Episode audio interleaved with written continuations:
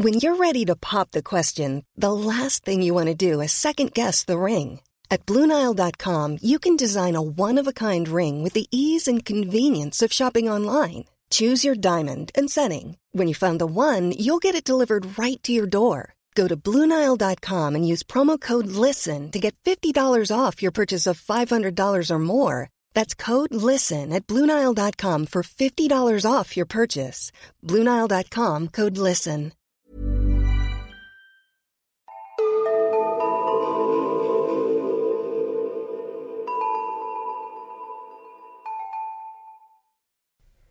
Hej och välkomna till Nära ögat, en true crime-podd för mesar. Mitt namn är Alexandra Kensdottir.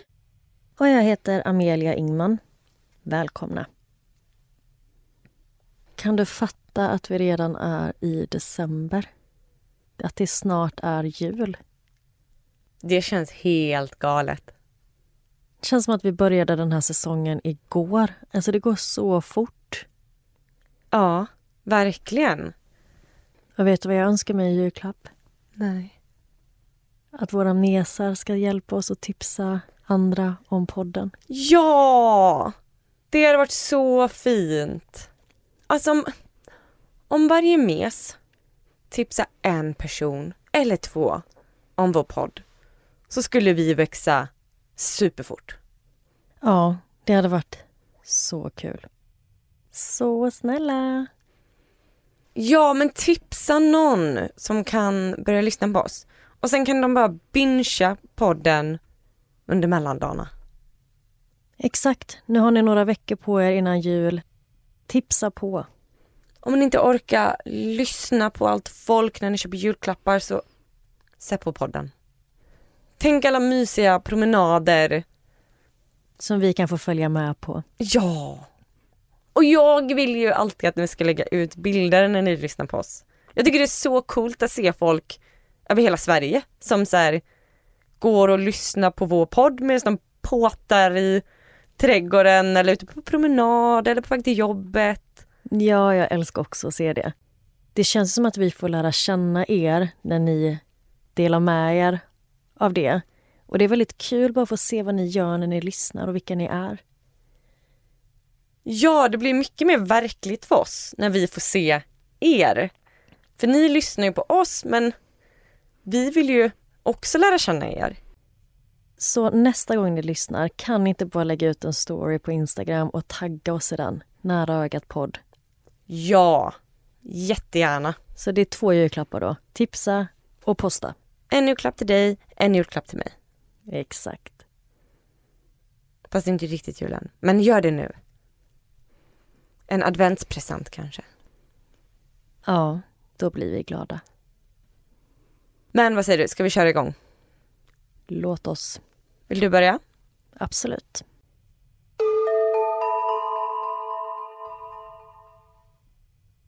Idag ska jag berätta om ett ganska välkänt fall, nämligen kidnappningen av Elizabeth Smart. Och det är vår lyssnare Corinne som har tipsat om det här fallet. Så tack så mycket. Och innan jag börjar idag så vill jag varna för att det här är ett väldigt hemskt fall som handlar om barn som far illa och sexuella övergrepp. Så ett riktigt Amelia-fall med andra ord. Är det något fel på mig? Ja. Eller Ja. det är ju inte något rätt med dig. Nej, men jag är inte ensam för det är alltid folk som tipsar om de här fallen också. Så att Corinne, det är du och jag. Ja, och jag tror faktiskt att det kan vara fler som har tipsat om det här fallet. Jag vet faktiskt inte. Ja, men det kanske det är. I så fall tack till er också. Mina källor är ett TEDx-talk där Elisabeth själv berättar sin historia. En dokumentär som heter Taken, The Elizabeth Smart Story. En artikel av People, Biography.com och Wikipedia. Elizabeth Smart är född den 3 november 1987. Hon växer upp i Salt Lake City i USA i en kristen familj tillsammans med sina föräldrar och fyra syskon. 2002 är Elizabeth 14 år och hon ser fram emot att ta examen från Junior High. Hon beskriver sig själv som en helt vanlig tjej men att hon är väldigt blyg och självmedveten. Elisabeth delar rum med sin lilla syster och de sover i samma säng. Och den 5 juni 2002 så vaknar Elisabeth av att en främmande man står vid sängkanten. Mannen säger att han har en kniv som han håller mot Elisabeths hals. Han säger åt henne att inte göra ett ljud ifrån sig och att hon ska kliva upp ur sängen och följa med honom. Och om hon inte lyder så kommer han att döda hennes familj. Hon känner den kalla, vassa kniven mot sin hals och vågar inte göra något annat än att lyda mannen. Familjens hus ligger intill en skog och mannen tar med sig Elisabeth in i skogen och upp längs med berget som ligger där. Och han håller henne hela tiden under knivhot. De rör sig längre och längre in i skogen och när de till slut når toppen av berget så fortsätter de ner på andra sidan. När de är lite mer än sex kilometer från Elisabeths hem så når de en skogsdunge. Ingenting verkar sticka ut med den här platsen för Elisabeth men mannen beordrar henne att gå in bland träden. Och där kommer de fram till en plats där berget inte sluttar utan det är plan mark och där ser Elisabeth ett tält. Det ligger presenning på marken och det hänger även presenning mellan träden. Elisabeth ser ett stort hål i marken bakom tältet som är täckt av stora grenar och det ligger jord och mossa på. Men det som skrämmer Elisabeth allra mest med den här platsen det är kvinnan som kommer ut från tältet. Kvinnan kommer fram till Elisabeth och för henne in i tältet. Och Där sätter hon Elisabeth på en hink och kvinnan vill tvätta Elisabeth och byta om på henne. Hon vill att Elisabeth ska ta av sig sin pyjamas och ta på sig någon typ av rock istället. Elisabeth är som sagt väldigt blyg och tillbakadragen och hon beskriver den här interaktionen med kvinnan som det mest traumatiserande hon någonsin upplevt. Elisabeth bönar och ber kvinnan att låta henne få göra det själv. Att hon inte är smutsig, att hon duschat kvällen innan och att hon kan byta om själv. Att hon behöver ingen hjälp. Och efter att ha tjatat och gråtit i kanske 15 minuter så slänger kvinnan till sist plaggen som hon vill att Elisabeth ska ta på sig till henne och Elisabeth tar på sig den här rocken och drar av sig sin pyjamas. Kvinnan plockar då upp pyjamasen och går ut ur tältet och lämnar Elisabeth ensam där inne. Elisabeth sitter på hinken och bara gråter. Hon tänker på vad det är som har hänt henne och hon kan inte fatta att dagen innan var en helt vanlig dag i skolan tillsammans med sina vänner hon hade varit hemma med sin familj och nu sitter hon här. Och hur har detta kunnat hända? Att hennes liv har vänts upp och ner på bara en natt. Elisabeth undrar även vad som hänt sin familj. Hade mannen som kidnappat henne redan gått igenom hemmet och mördat de andra i familjen? Och vad skulle han göra med henne? Det enda svaret som hon kan komma på är att mannen kommer våldta henne och sen mörda henne. För hon tänker att ingen överlever ju en kidnappning. Hon har aldrig hört talas om ett lyckligt slut på en kidnappningshistoria. Varje gång hon hör om en kidnappning på nyheterna så har det alltid varit samma sak. Oavsett om det handlar om dagar, veckor eller år så slutar det alltid med att en kropp hittas. Elisabeth sitter inne i tältet på den upp och nervända hinken och gråter när hon hör hur dragkedjan till tältet öppnas och in kliver kidnapparen. Han har bytt om från de mörka kläderna han haft på sig när han kidnappade Elisabeth och har nu på sig en rock lik den Elisabeth fick av kvinnan.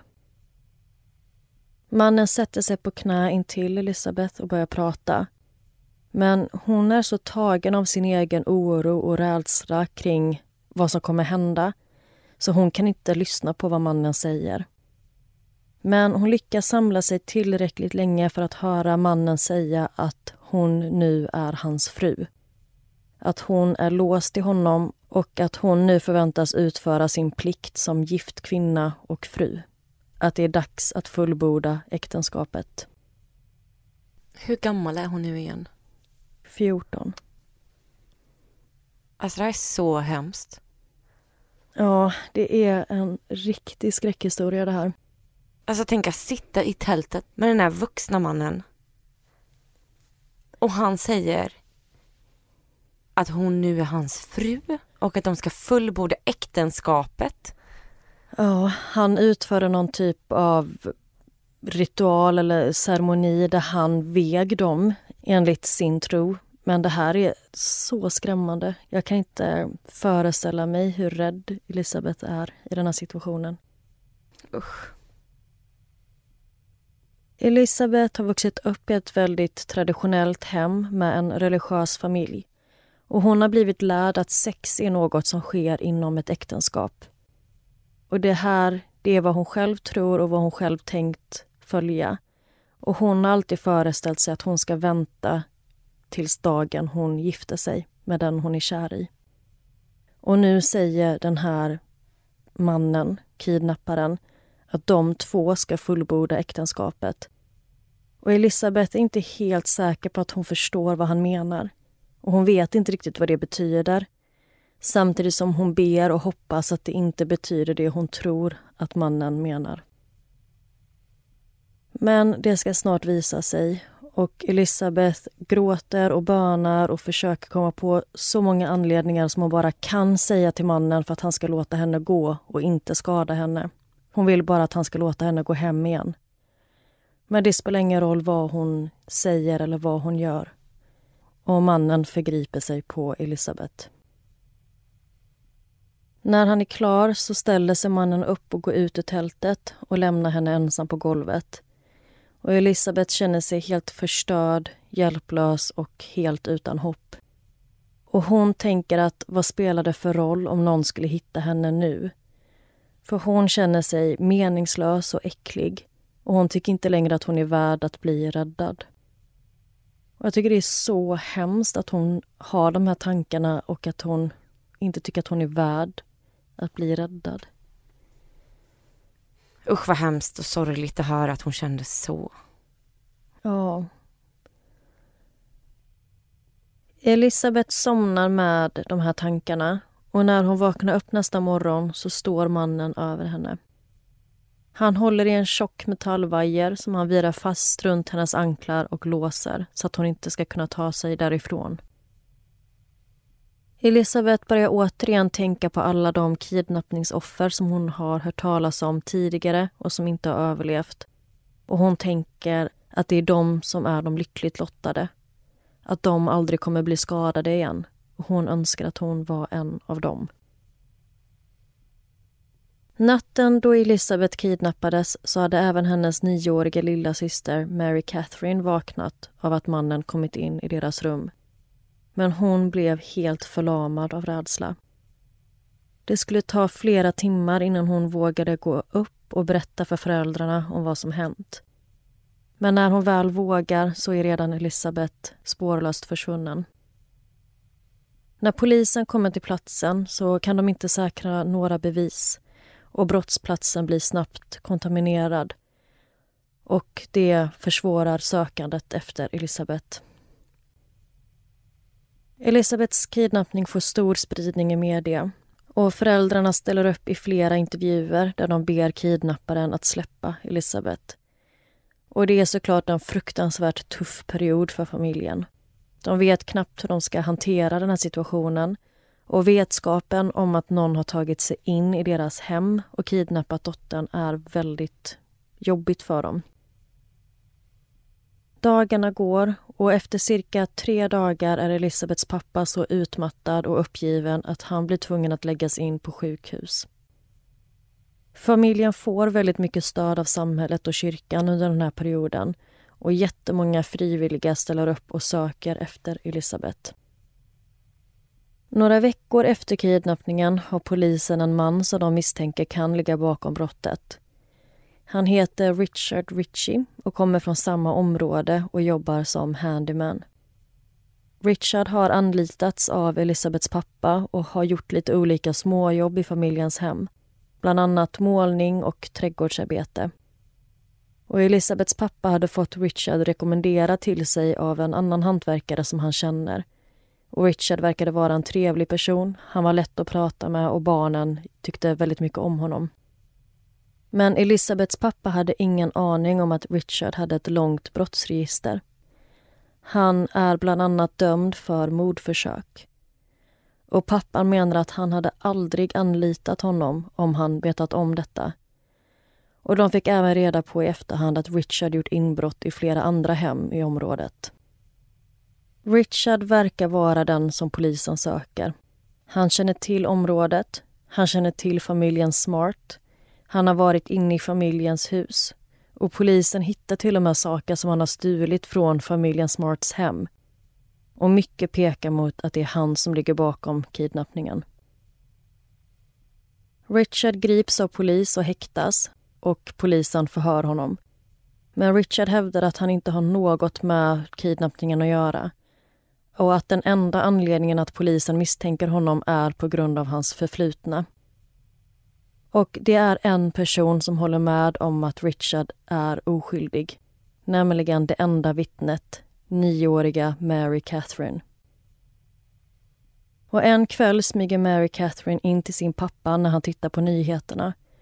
Och hon ser då en bild på Richard på tvn och säger att det inte är han.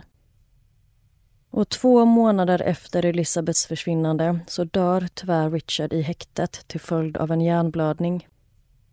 Och många tror nu att de aldrig kommer få svar på vad som hände Elisabeth och att Richard var den enda som visste var hon befann sig.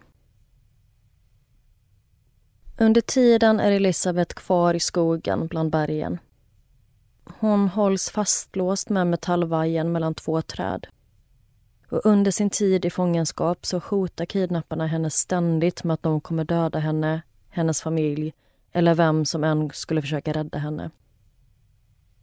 Till en början så kom hoten flera gånger om dagen.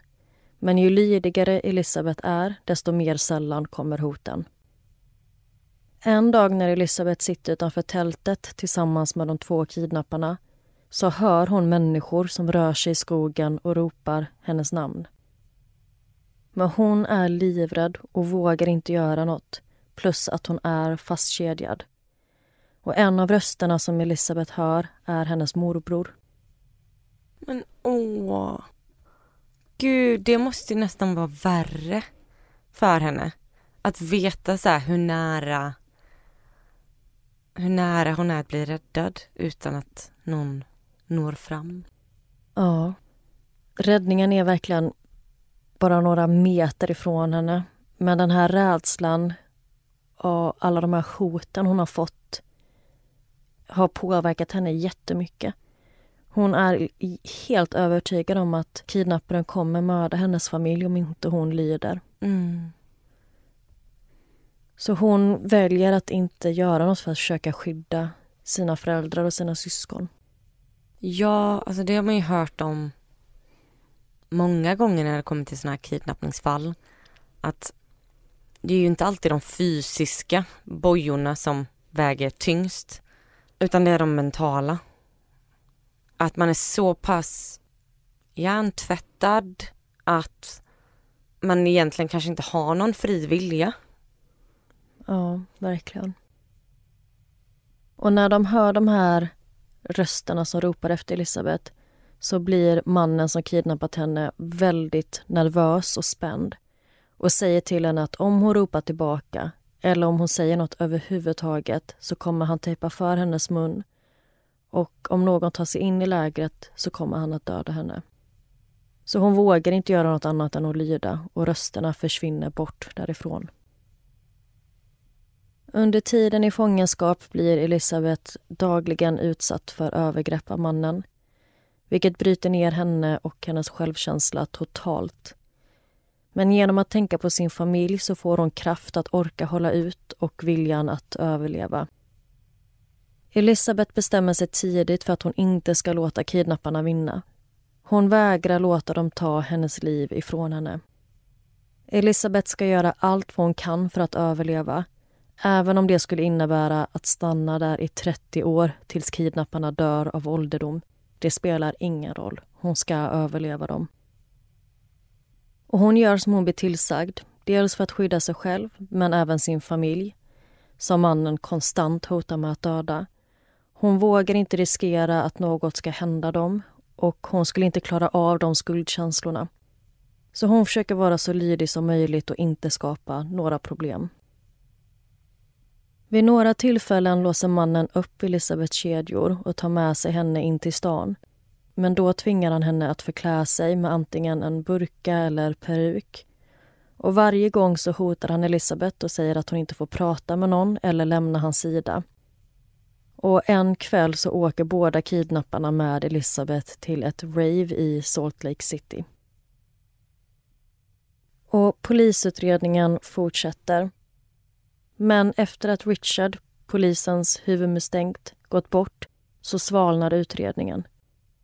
Men polisen hoppas på att Mary Catherine ska minnas mer av mannen som hon såg förde bort Elizabeth. I oktober, fyra månader efter kidnappningen, så minns plötsligt Mary Catherine vem kidnapparen är. Det är en annan handyman som jobbat i området som kallar sig för Emanuel. Elisabeths mamma har stött på Emanuel tidigare, ungefär sju månader innan kidnappningen och han är känd som gatupredikant. Emanuel hade berättat att han var i behov av jobb och Elisabeths mamma tog hans nummer vilket ledde till att familjen anlitade honom. Emanuel menade att han var på nytt kristen och att han jobbar med att hjälpa hemlösa samt att han reser runt tillsammans med sin syster för att sprida Guds ord. Men utöver det så gav han inte så mycket information om sig själv.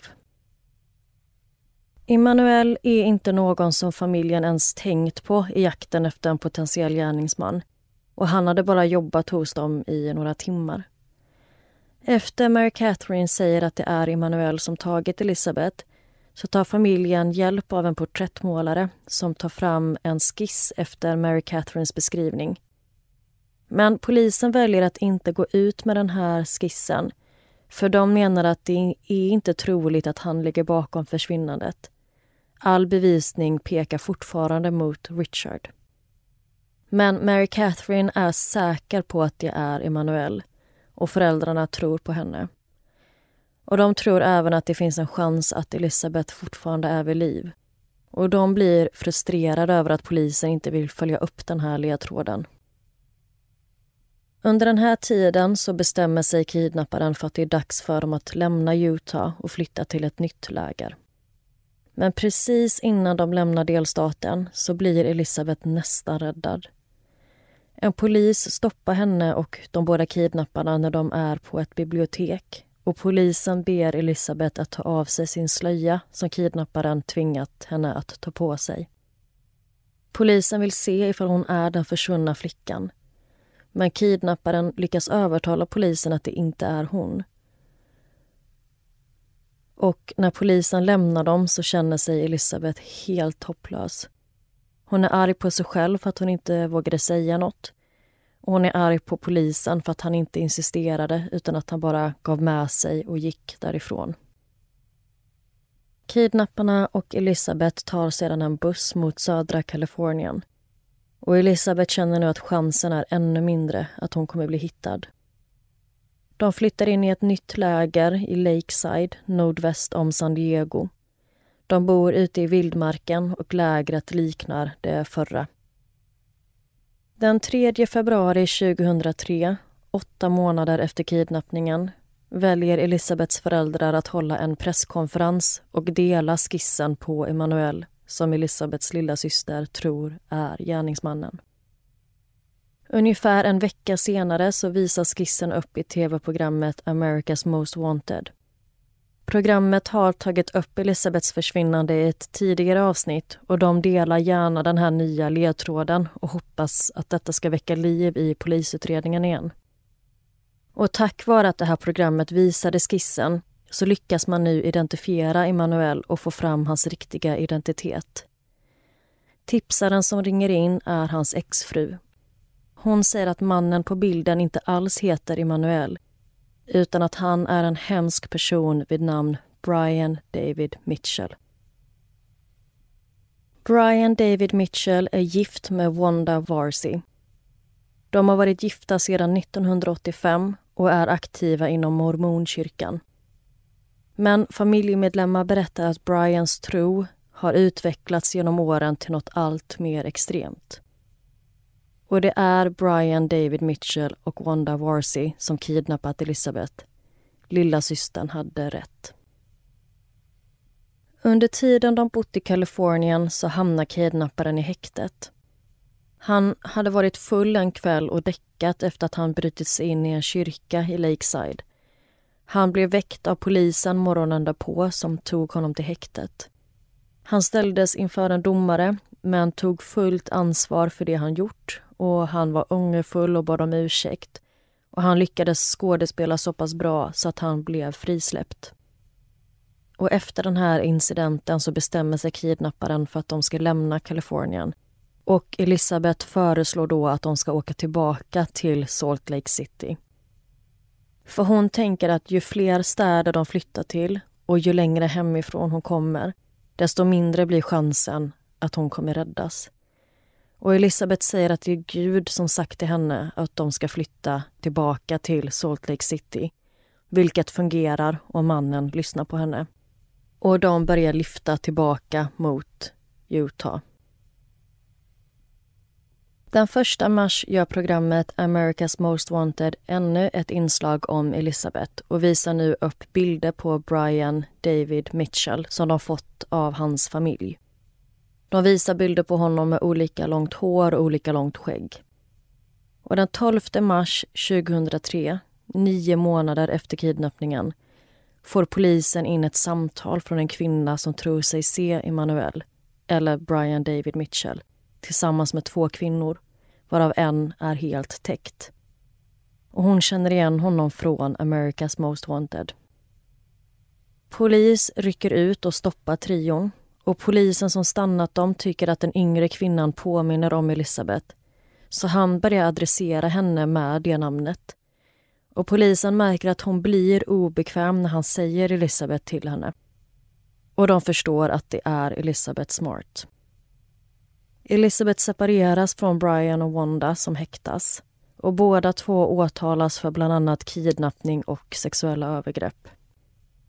Men Elisabeth är fortfarande rädd alla hot som hon utstått under de senaste nio månaderna är fortfarande verkliga för henne och hon är rädd för vad som kommer hända nu. Samtidigt som hon känner att allt äntligen är över. Elisabeths pappa får ett samtal från polisstationen och polisen berättar att de har hittat en flicka som kan vara hans dotter. Pappan skyndar sig dit och när han ser Elisabeth så springer han mot henne och de håller om varandra. Han gråter och han kan knappt tro att det är sant. Han frågar om det verkligen är Elisabeth och hon säger ja. Elisabeth berättar att hon aldrig kommer glömma sin pappas ansikte dagen de återförenades. Hon känner att vad som än skulle hända framöver så är det okej. Okay. Ingen kommer någonsin kunna skada henne på det här sättet igen. Och hon säger att det är den bästa känslan som finns i hela världen att veta att någon älskar en. Elisabeth får äntligen återvända hem efter nio månader i fångenskap. Vänner, familj och grannar samlas för att fira henne och gatorna är fyllda med fotografer och media och alla ger henne lyckönskningar och välkomna henne hem. Tiden efter återföreningen går både Elisabeth och hennes familj i samtalsterapi och får professionellt stöd för att hantera allt. Och det tog inte lång tid för Elisabeth att komma tillbaka in i sitt vanliga liv. Och hon hade ett stort behov av att prata om det som hänt vilket hjälpte henne att bearbeta det. Gärningspersonerna åtalades 2003. Och Brian David Mitchell ansågs först klara av att ställas inför rätta. Men han krånglade och försvårade rättsprocessen genom att sjunga och avbryta och störa rättegången varje gång han ställs inför en domare. Och detta ledde till att han gång på gång blir tvungen att genomgå utredningar för att se ifall han kan ställas inför rätta. Och detta dras ut på i flera år. Och först sju år efter kidnappningen hålls en rättegångsförhandling där Elisabeth vittnar. Och hennes vittnesmål är extremt professionellt. Hon är tydlig, saklig och hon berättar om alla de fruktansvärda sakerna som han utsatte henne för. Och många blir tagna av hennes vittnesmål. Och hon berättar detaljer som hon aldrig tidigare delat med sig av. Och Elisabeths föräldrar blir chockade när de får veta allt som hon utsattes för. Elisabeth hade sett fram emot att möta Brian i rätten men han vägrade infinna sig i rättssalen när Elisabeth vittnade. Han sjöng och störde tills de tog ut honom ur salen. Hans medbrottsling, 64-åriga Wanda, erkände sig skyldig till bland annat kidnappning. Och den 21 maj 2010 döms hon till 15 års fängelse och hon går då med på att vittna mot Brian. I mars 2010 så fastslår man att 56-årige Brian klarar av att ställa sig för rätta. Och i november 2010 inleds rättegången mot honom. Och detta är cirka åtta och ett halvt år efter kidnappningen. Och Elisabeth vittnar under tre dagar. Rättegången pågår i flera veckor och till slut så anser en jury att Brian är skyldig till bland annat kidnappning och sexuella övergrepp och han får två livstidsdomar i fängelse. Idag är Elisabeth gift och har tre barn. Hon arbetar som förespråkare för barnsäkerhet. Hon jobbar även som reporter, producent och författare Lifetime gjorde en dokumentär om hennes kidnappning som heter I am Elizabeth Smart som hon var med och producerade. 2011 grundade hon Elizabeth Smart Foundation för att bekämpa sexuellt våld. Och hon arbetar också som reporter för ABC News där hon lyfter fall som handlar om försvunna personer. Elisabeth har även publicerat två bästsäljande böcker My Story från 2013 och Where There's Hope från 2018. Och genom att själv dela sin historia och berätta vad hon har gått igenom och möta olika människor så har hon lärt sig så otroligt mycket. Och hon har kommit till en punkt i livet där hon kan säga att trots att hon inte önskar att hon själv eller någon annan någonsin ska behöva gå igenom det hon gjort så är hon tacksam för det som hände henne. Och detta tack vare allt hon lärt sig på grund av det. Det perspektiv det gett henne och den empati hon fått för andra överlevare. Och hon är tacksam över att hon kan göra skillnad. Hon är tacksam över att hon har en plattform och att hon kan föra talan för andra som har utsatts för sexuella övergrepp. Speciellt de som inte haft möjlighet att föra sin egen talan än. Hon säger att det är så traumatiserande och skrämmande att tala ut och berätta att man är ett offer för sexuella övergrepp. Men det är så viktigt att våga träda fram och dela sin historia och prata om det. I alla fall till polisen så att vi kan stoppa de gärningspersoner som finns där ute och utnyttjar andra människor. Och idag är Elisabeth en stor inspirationskälla för andra personer som har gått igenom liknande övergrepp. Och hon kan stolt säga att hennes historia har hjälpt henne göra skillnad och beröra andra människor. Och det var berättelsen om Elisabeth Smart. Vilken historia. Och Elisabeth är verkligen en sån inspiration. Hon har verkligen visat att man kan ta det man gått igenom och göra till något fint. Alltså man kan ta allt det hemska man gått igenom och liksom ändå få ut bra energi ur det. Mm. Och hon säger själv att hon vill vara en inspiration för andra. Så mm. det är mm. jättefint att du säger det. Och hon jobbar som sagt som reporter idag så hon har utfört jättemånga intervjuer med andra som har överlevt kidnappningar. Och jag vet att vissa av de här intervjuerna har jag använt som källa i mina andra fall. Och hon har ju en förmåga att få de här personerna att öppna upp sig och dela för att hon kan verkligen relatera till dem och hon är en väldigt inbjudande och varm person. Alltså om man har varit med om något sånt här fruktansvärt förstår jag att man känner sig väldigt ensam i den situationen för det är inte så många i världen som har varit i en sån upplevelse.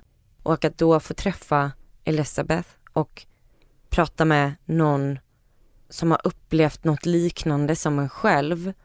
Alltså det måste ju ändå vara en otrolig trygghet. Och även inspiration då man kan se hur långt hon kommit i sin process. Ja, speciellt om man tänker på hur nedbruten Elisabeth faktiskt var under den här mm. tiden i fångenskap. Elisabeth kände ju verkligen den här uppgivenheten och hopplösheten och hon har trots det kunnat ta sig ur och växa. Mm. Alltså hon var bara 14 år och som hon beskrev sig själv, alltså så blyg. Alltså som hon har vuxit från den lilla tjejen som blev kidnappad. Ja. Och tänk den här situationen då hon blev kidnappad. Den känns ju väldigt unik och väldigt skrämmande. Att det handlar om en man som har tagit sig in i hemmet och som bara står jämte hennes säng. Mm. Och jag tror det handlade om ett olåst fönster som han tog sig in genom. Men vem, alltså den här kvinnan, det var alltså hans fru Wanda? Ja, precis. Så han hade bara sagt till Elisabeths mamma att de var syskon för någon form av täckmantel säkert. Vi tar upp så väldigt många olika fall och många gånger så är det ju män som är förövarna. Men alltså jag kan inte förstå Wanda som, alltså heller, alltså han ju, går ju absolut inte att förstå men man kan ju inte heller förstå henne. Vad gör hon? Alltså... Nej, man blir ju jättefrustrerad och upprörd över båda de här gärningspersonerna men jag tror det handlar väldigt mycket om hans tro, eller deras tro och hans extremism som utvecklades genom åren och hans mål var att hitta eller ta en andra fru. Och under tiden de bodde i Kalifornien, i det här lägret ute i skogen, så började han leta efter en annan flicka att kidnappa för att han skulle skaffa ännu en fru. Och det var hela anledningen till att de flyttade till Kalifornien. Och han använde sig av kyrkan för att hitta sitt nästa offer. Och han hittade en flicka som han tänkte att han skulle kidnappa. Men när han skulle göra det så hörde han röster inifrån huset där hon befann sig, vilket fick honom att avbryta den kidnappningen. Men alltså tänk för den familjen att höra det sen. Mm. Att han var på väg att kidnappa vår dotter också. Nej, det är så otroligt ondskefullt. Ja. Och så han fick två livstidsdomar. Ja. Mm, med all rätt. Jag tycker dock att Wanda kunde fått strängare straff. Ja. Men jag tror att hon fick mildare dom på grund av att hon vittnade mot honom. Mm. Ja, det här fallet är så hemskt. Och nu hoppas jag att du har ett lite lättsammare fall att avsluta dagens avsnitt med. Ja, det har jag faktiskt. Ja, vad bra. Mitt är inte lika hemskt. Ready to pop the question? The jewelers at BlueNile.com have got sparkle down to a science with beautiful lab-grown diamonds worthy of your most brilliant moments. Their lab grown diamonds are independently graded and guaranteed identical to natural diamonds, and they're ready to ship to your door. Go to Bluenile.com and use promo code LISTEN to get $50 off your purchase of $500 or more. That's code LISTEN at Bluenile.com for $50 off. Bluenile.com code LISTEN. I'm Sandra, and I'm just the professional your small business was looking for. But you didn't hire me because you didn't use LinkedIn jobs. LinkedIn has professionals you can't find anywhere else, including those who aren't actively looking for a new job but might be open to the perfect role, like me. In a given month, over 70% of LinkedIn users don't visit other leading job sites. So if you're not looking on LinkedIn, you'll miss out on great candidates like Sandra. Start hiring professionals like a professional. Post your free job on linkedin.com/people today.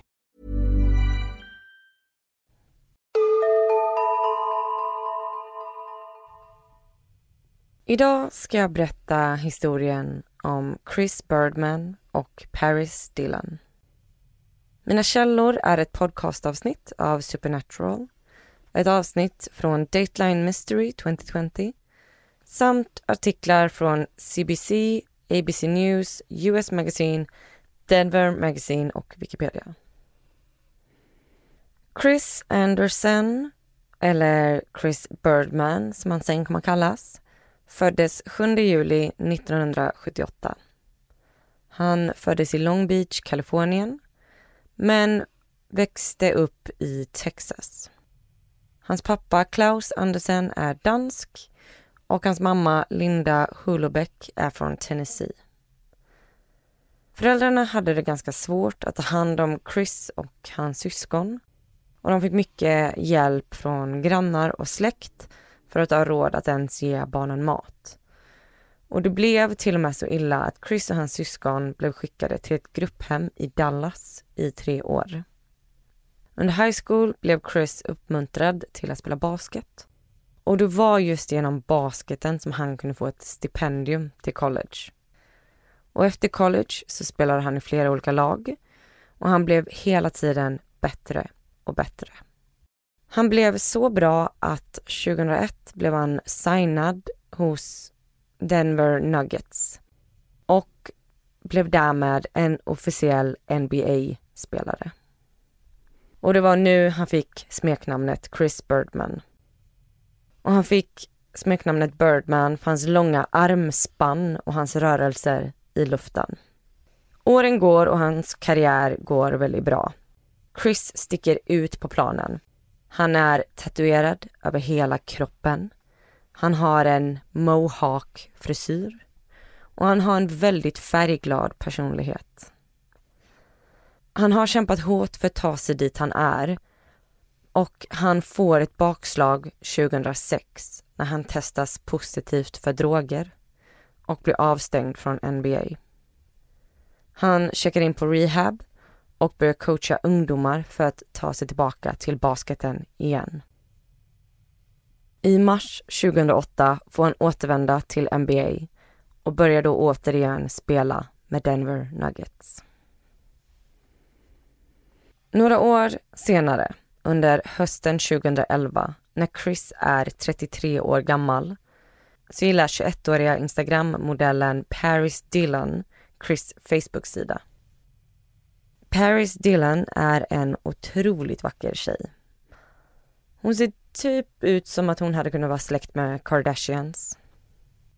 Hon har en stor följarskara på sociala medier. Och hon lägger ut väldigt mycket bilder på sig själv, ofta i utmanande kläder och i väldigt så här klassiskt sexiga poser. Och det ena leder till det andra och Chris och Paris börjar få kontakt. De är ganska flörtiga mot varandra och en dag så skickar Paris en bild på sig själv när hon har på sig Chris Birdmans NBA-tröja. Vilket Chris verkligen uppskattar och gillar. Så detta leder till att de börjar skicka fler bilder på sig själva till varann. Och bilderna blir allt mer avklädda och det slutar med att de skickar nakenbilder till varann. Chris och Paris har endast haft kontakt via sms eller chatt och aldrig pratat med varandra i telefon. Men trots detta så bestämmer de sig för att ses en helg. Så i december 2011 så bestämmer de en träff och Paris flyger från LA till Denver för att träffa Chris. Chris sitter i bilen på flygplatsen och inväntar Paris. Och de har ju som sagt aldrig pratat i telefon, men de har skickat bilder till varann. Och när han sitter där så smsar han henne och skriver att han är utanför. Och kort därefter kommer hon ut och hon sätter sig i bilen. Och hon ser precis ut som hon gör på bilderna.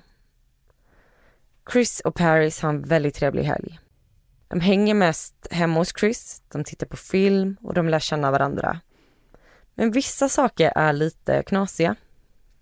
Chris och Paris hade skrivit om Paris kommande resa till Afrika och när han frågar om det så förstår hon inte alls vad han menar. Och Paris frågar om någon Tom Taylor som Chris ska vara kompis med. Men han har ingen kompis som heter så. Och han förstår inte riktigt om det bara är så att han kanske inte förstår hennes humor. eller vad det är som pågår. Och efter den här helgen så har de lite kontakt men konversationen dör ut. Och i februari så får Chris ett mail från Paris Dillons mamma. Hon är upprörd och kräver Chris på pengar. Och hon skriver då att Chris haft sex med hennes 17-åriga dotter. Chris förstår ingenting. Paris har hela tiden sagt att hon är 21. Chris räcker över sin telefon till sin advokat och advokaten börjar mejla med kvinnan. Och det slutar med att Paris mamma får runt 3000 dollar för att tysta ner skandalen. Så den här Paris, hon är 17 år? Mm, det är hon. Då tänker man direkt, hur kunde hon resa dit själv? Visste mamman om att hon skulle dit? Och visste hon att hennes tonårsdotter hade kontakt med en så pass mycket äldre man? Nej, jag kommer snart berätta hur hela upplevelsen var för Paris också. Så vi kommer få höra hennes perspektiv snart. Och i Denver så är det inte olagligt att ha samlag med samtycke med någon som är 17 år. För att gränsen går vid 15. Men det är olagligt att inneha sexuella eller pornografiska bilder på någon som är 17 år. Så i maj samma år så gör polisen en husrannsakan hos Chris och de beslagtar alla hans datorer och telefoner. Och detta kommer ju såklart ut till media. Och många blir otroligt besvikna på Chris. Även om han inte dömts så kallas han för pedofil och Denver Nuggets ser ingen annan utväg än att behöva stänga av Chris från basketlaget.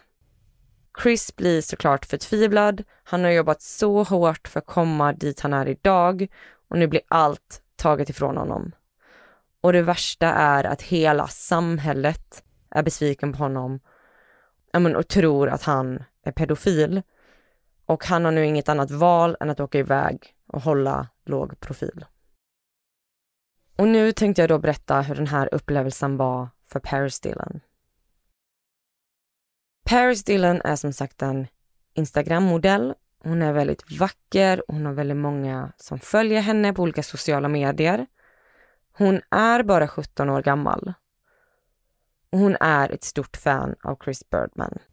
Så hon börjar följa hans Facebook-sida där hon skriver ett meddelande typ ring mig och en dag så lägger Chris till Paris som vän och de börjar skriva med varandra.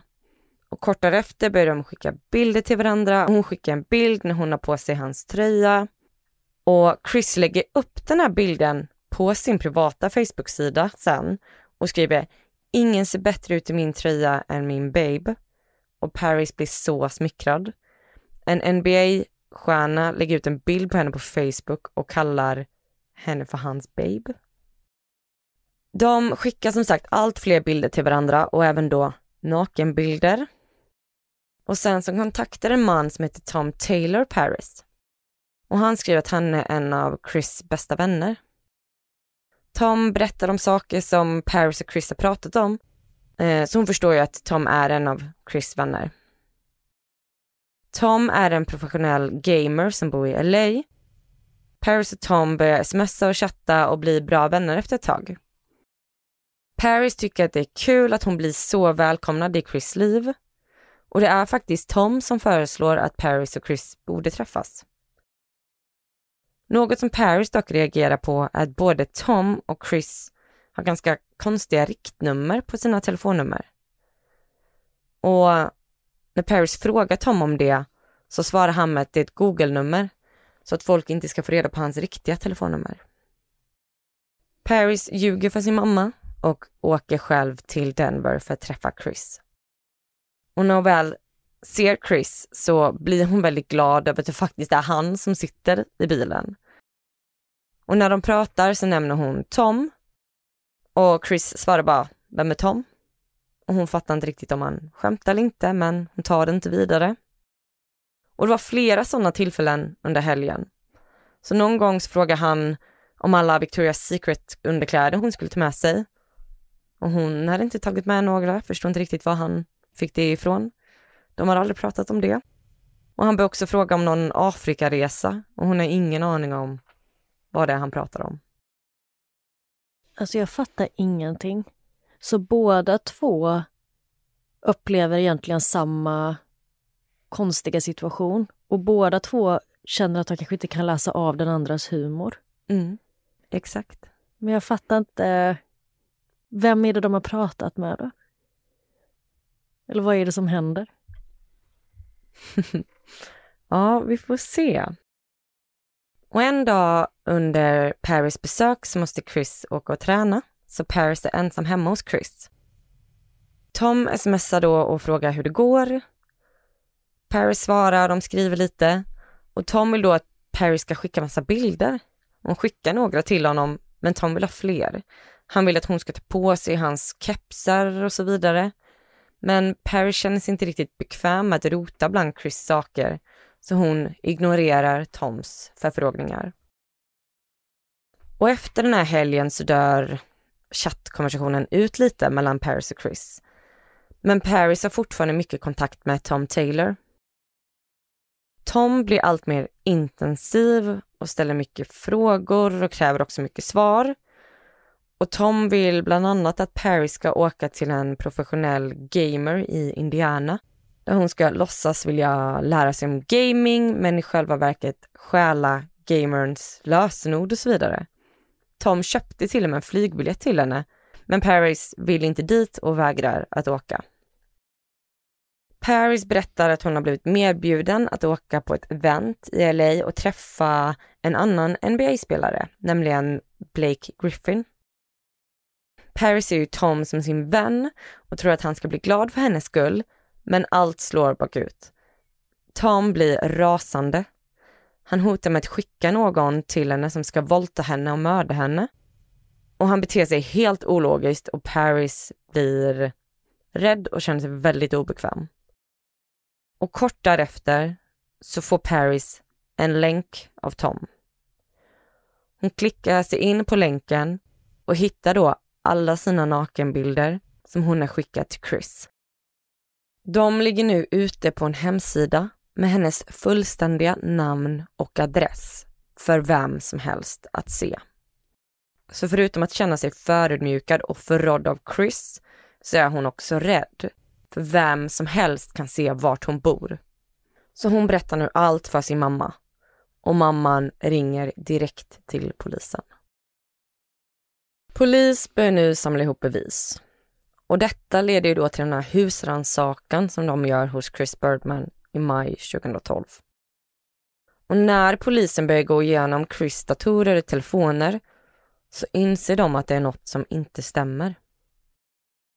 För när Paris och Chris skriver med varandra så går inte smsen eller chatten till varann, utan via ett annat nummer eller en annan IP-adress. De lokaliserar den här IP-adressen och ser att den leder till ett litet samhälle som heter Easterville i Kanada. Och de börjar nu misstänka att det är någon annan som sköter all kommunikation mellan Chris och Paris. Men det här är ju helt knäppt. Mm. Varför skulle en annan person vilja att Paris och Chris ens träffas och möts upp? Nu fattar man ju förvirringen mellan dem, att de inte kunde förstå vad den andra menade när de uppenbarligen inte har pratat med varandra. Mm. Men varför skulle den här personen vilja att de möts? Nej, jag, jag, vet inte om man ens får svar på det. Okej, vem är det då? Mm, det ska jag berätta alldeles strax. I januari 2013 så tar RCMP, Royal Canadian Mounted Police, eller den kanadensiska versionen av FBI, överfallet. Och de åker till Easterville och bara för att förtydliga Enligt Wikipedia så hade Easterville 44 invånare 2013 och bara 20 stycken invånare år 2021. Så det är verkligen en pytteliten by mitt ute i ingenstans. Och IP-adressen tar dem till ett litet blått hus. och där hittar de 33-åriga Shelley Chartier. Och när polisen knackar på så spelar Shelley dum och hon säger att hon inte har en aning om vad polisen pratar om. Shelley ser väldigt ung ut. Hon ser mycket yngre ut än sin ålder. Hon bor tillsammans med sin mamma som har ett funktionshinder. Och Shelley har haft ett väldigt svårt liv. Hon har aldrig någonsin varit hos varken en läkare eller en tandläkare, vilket har lett till att hon knappt har några tänder kvar. Hon var mobbad som barn och hoppade av skolan redan vid 12 års ålder och har varit väldigt isolerad sedan dess. Under en period så lämnade hon inte huset alls på 11 år. Så att hela hennes sociala liv har varit på internet. Och en kväll 2011 så kom Shelley över Chris Birdmans Facebook fanpage och såg hur Paris hade kommenterat ett inlägg där det stod ring mig och hennes telefonnummer och hon tyckte att Paris var väldigt uppmärksamhetssökande. Så Shelley är uttråkad och skapar då en fake-profil åt Chris och skriver från den här fake-profilen till Paris.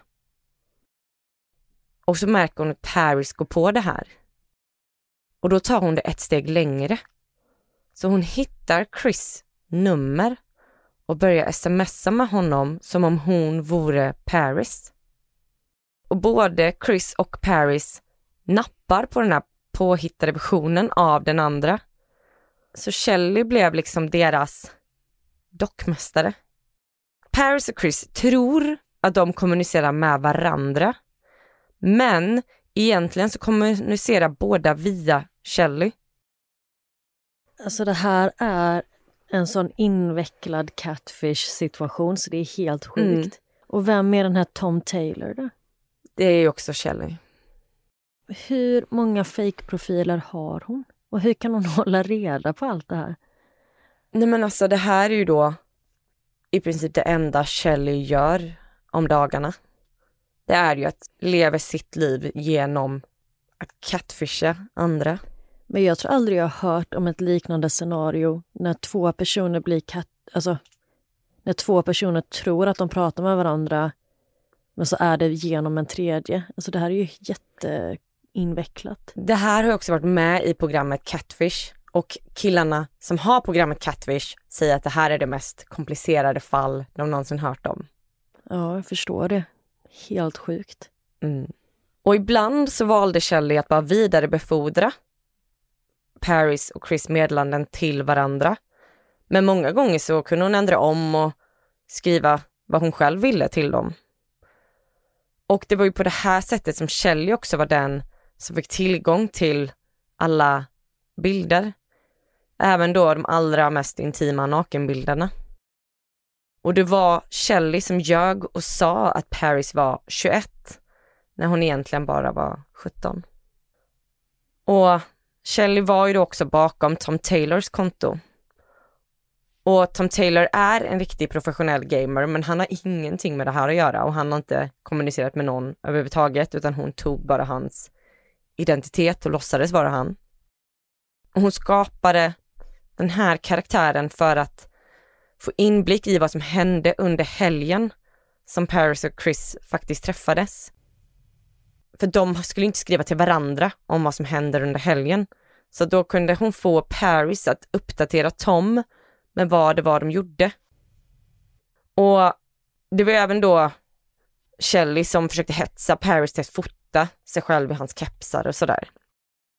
Och det var alltså då Shelley som läckte nakenbilderna på Paris och även hennes namn och adress. Och för att förvirra det ännu mer så kontaktade Paris mamma aldrig Chris och krävde pengar, utan det var ju också Shelley. Nej men det här är så invecklat. Mm. Så att Shelley låtsas alltså vara alla de här personerna som jag pratat om, men de finns på riktigt också. Ja, nej, det, det är så förvirrande. Exakt, för att vanligtvis när det är en catfish kanske det handlar om att de tar någon annans bilder, punkt. Mm. Och de bilderna kanske de pusslar ihop med ett namn som egentligen inte har någonting med de här bilderna att göra.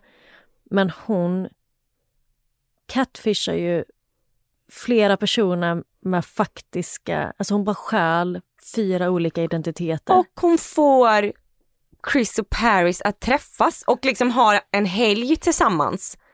Och Ja. de känner ju egentligen inte varandra för de har aldrig skrivit direkt med varandra. Nej, men där finns ju ändå ett intresse. Det är så sjukt att de ändå har byggt en relation bara genom en tredje part. Mm, men hon har också hittat på saker däremellan.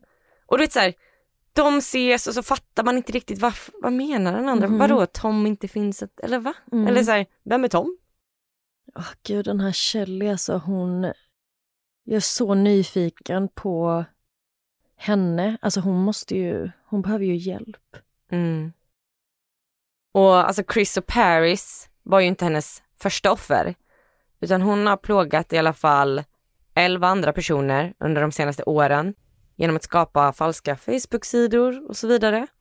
Och bland hennes tidigare offer så hittar man bland annat en YouTube-komiker, en Playboy Playmate och även realitystjärnan Brody Jenner. Shelley erkänner sig skyldig till flera fall av identitetsstöld, utpressning och hot. Och hon får 18 månaders fängelse i Kanada. Så i början är hon väldigt arg. Hon tycker att Paris får skylla sig själv för hon var så dum som åkte till Chris utan att ens ha pratat med honom i telefon. Och hon är också arg på polisen som har arresterat henne.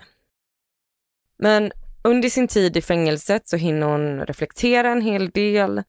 Men hon förstår ju att det var sitt eget fel att det här hände. Men hon tycker också att folk måste släppa det som har hänt och sluta se henne som boven i dramat. Shelley släpptes efter 12 månader i fängelse varav hon spenderade 50 dagar i isoleringscell. Enligt vissa källor så skulle Shelley bli utvisad till USA efter hon släppts ur fängelset, där hon riskerar ytterligare åtal. Men där så gäller det ju bland annat då innehav av barnpornografi och att ha läckt det. Så där var det snack om att hon skulle riskera upp till 24 års fängelse. 24. Ja, Wow. men Shelley är ju släppt idag och jag kan inte hitta någonting om om det här kommer hända eller inte. Men jag gissar på att hon aldrig kommer kunna åka till USA. För då kommer hon bli häktad. Ja, gud vad sjukt.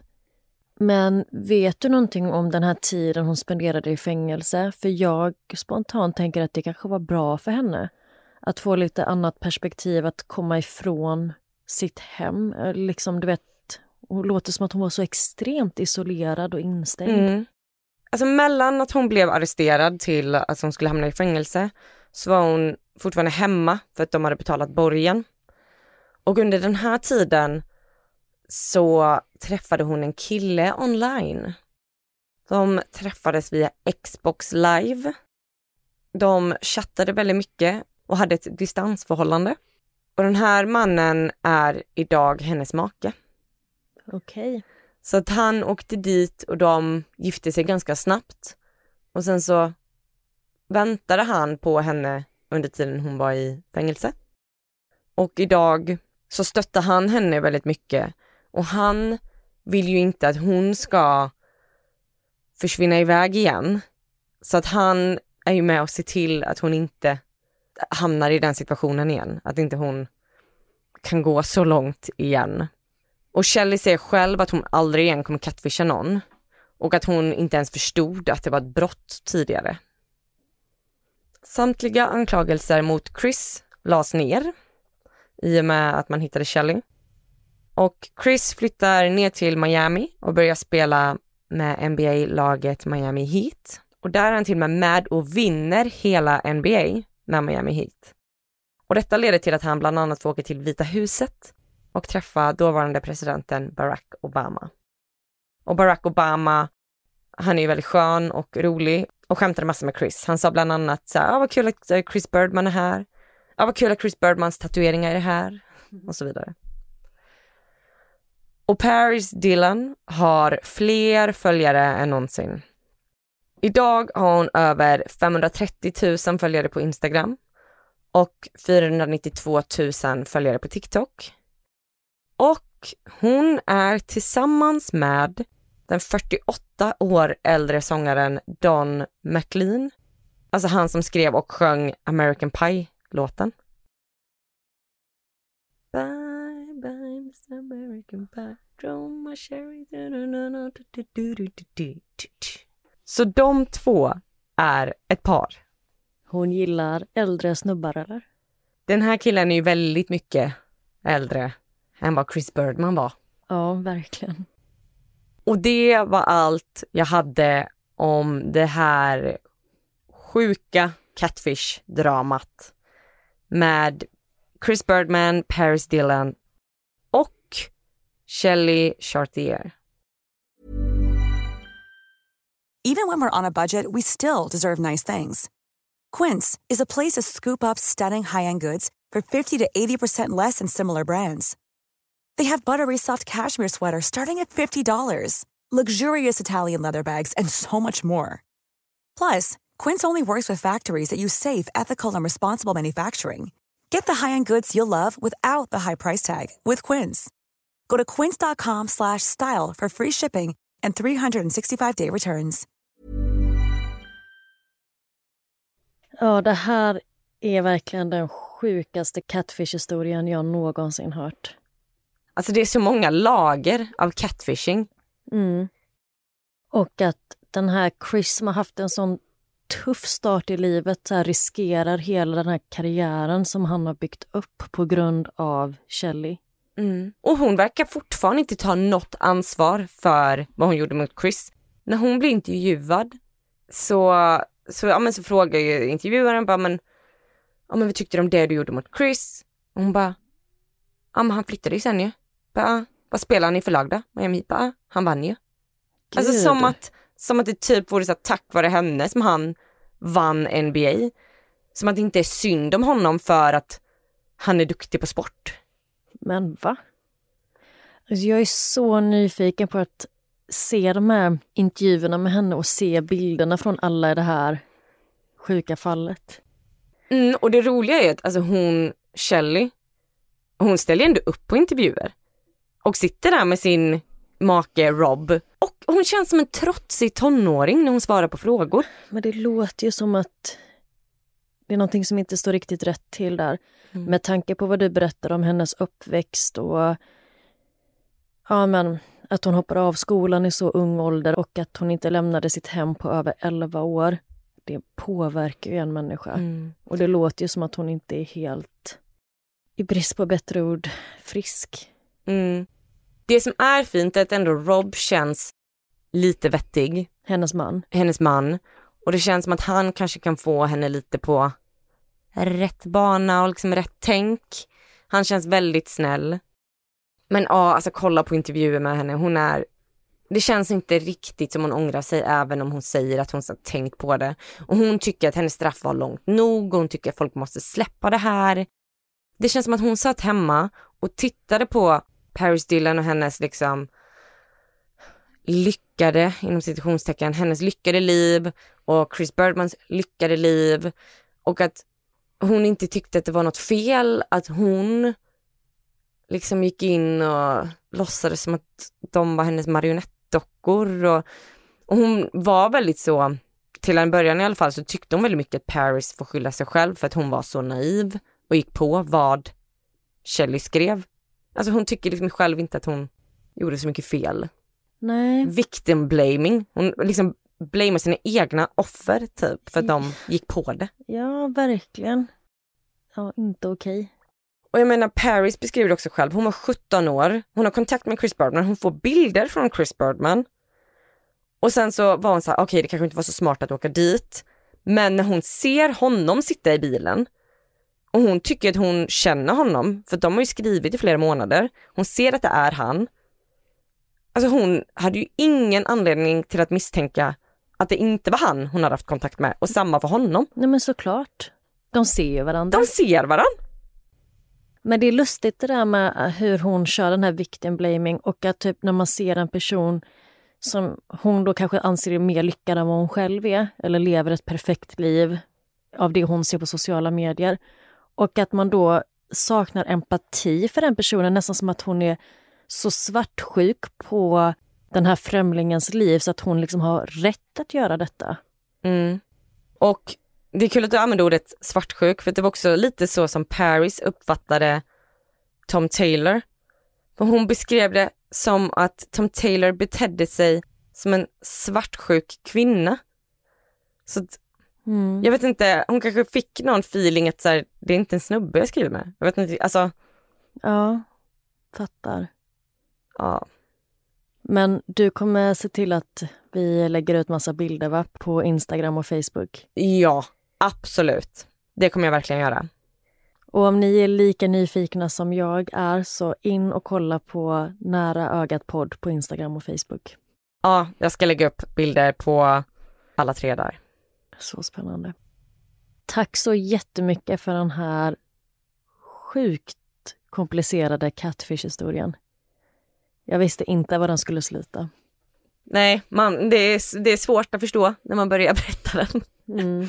Men det blir bra att vi kunde avsluta på ett lite, på ett lite lättare ämne.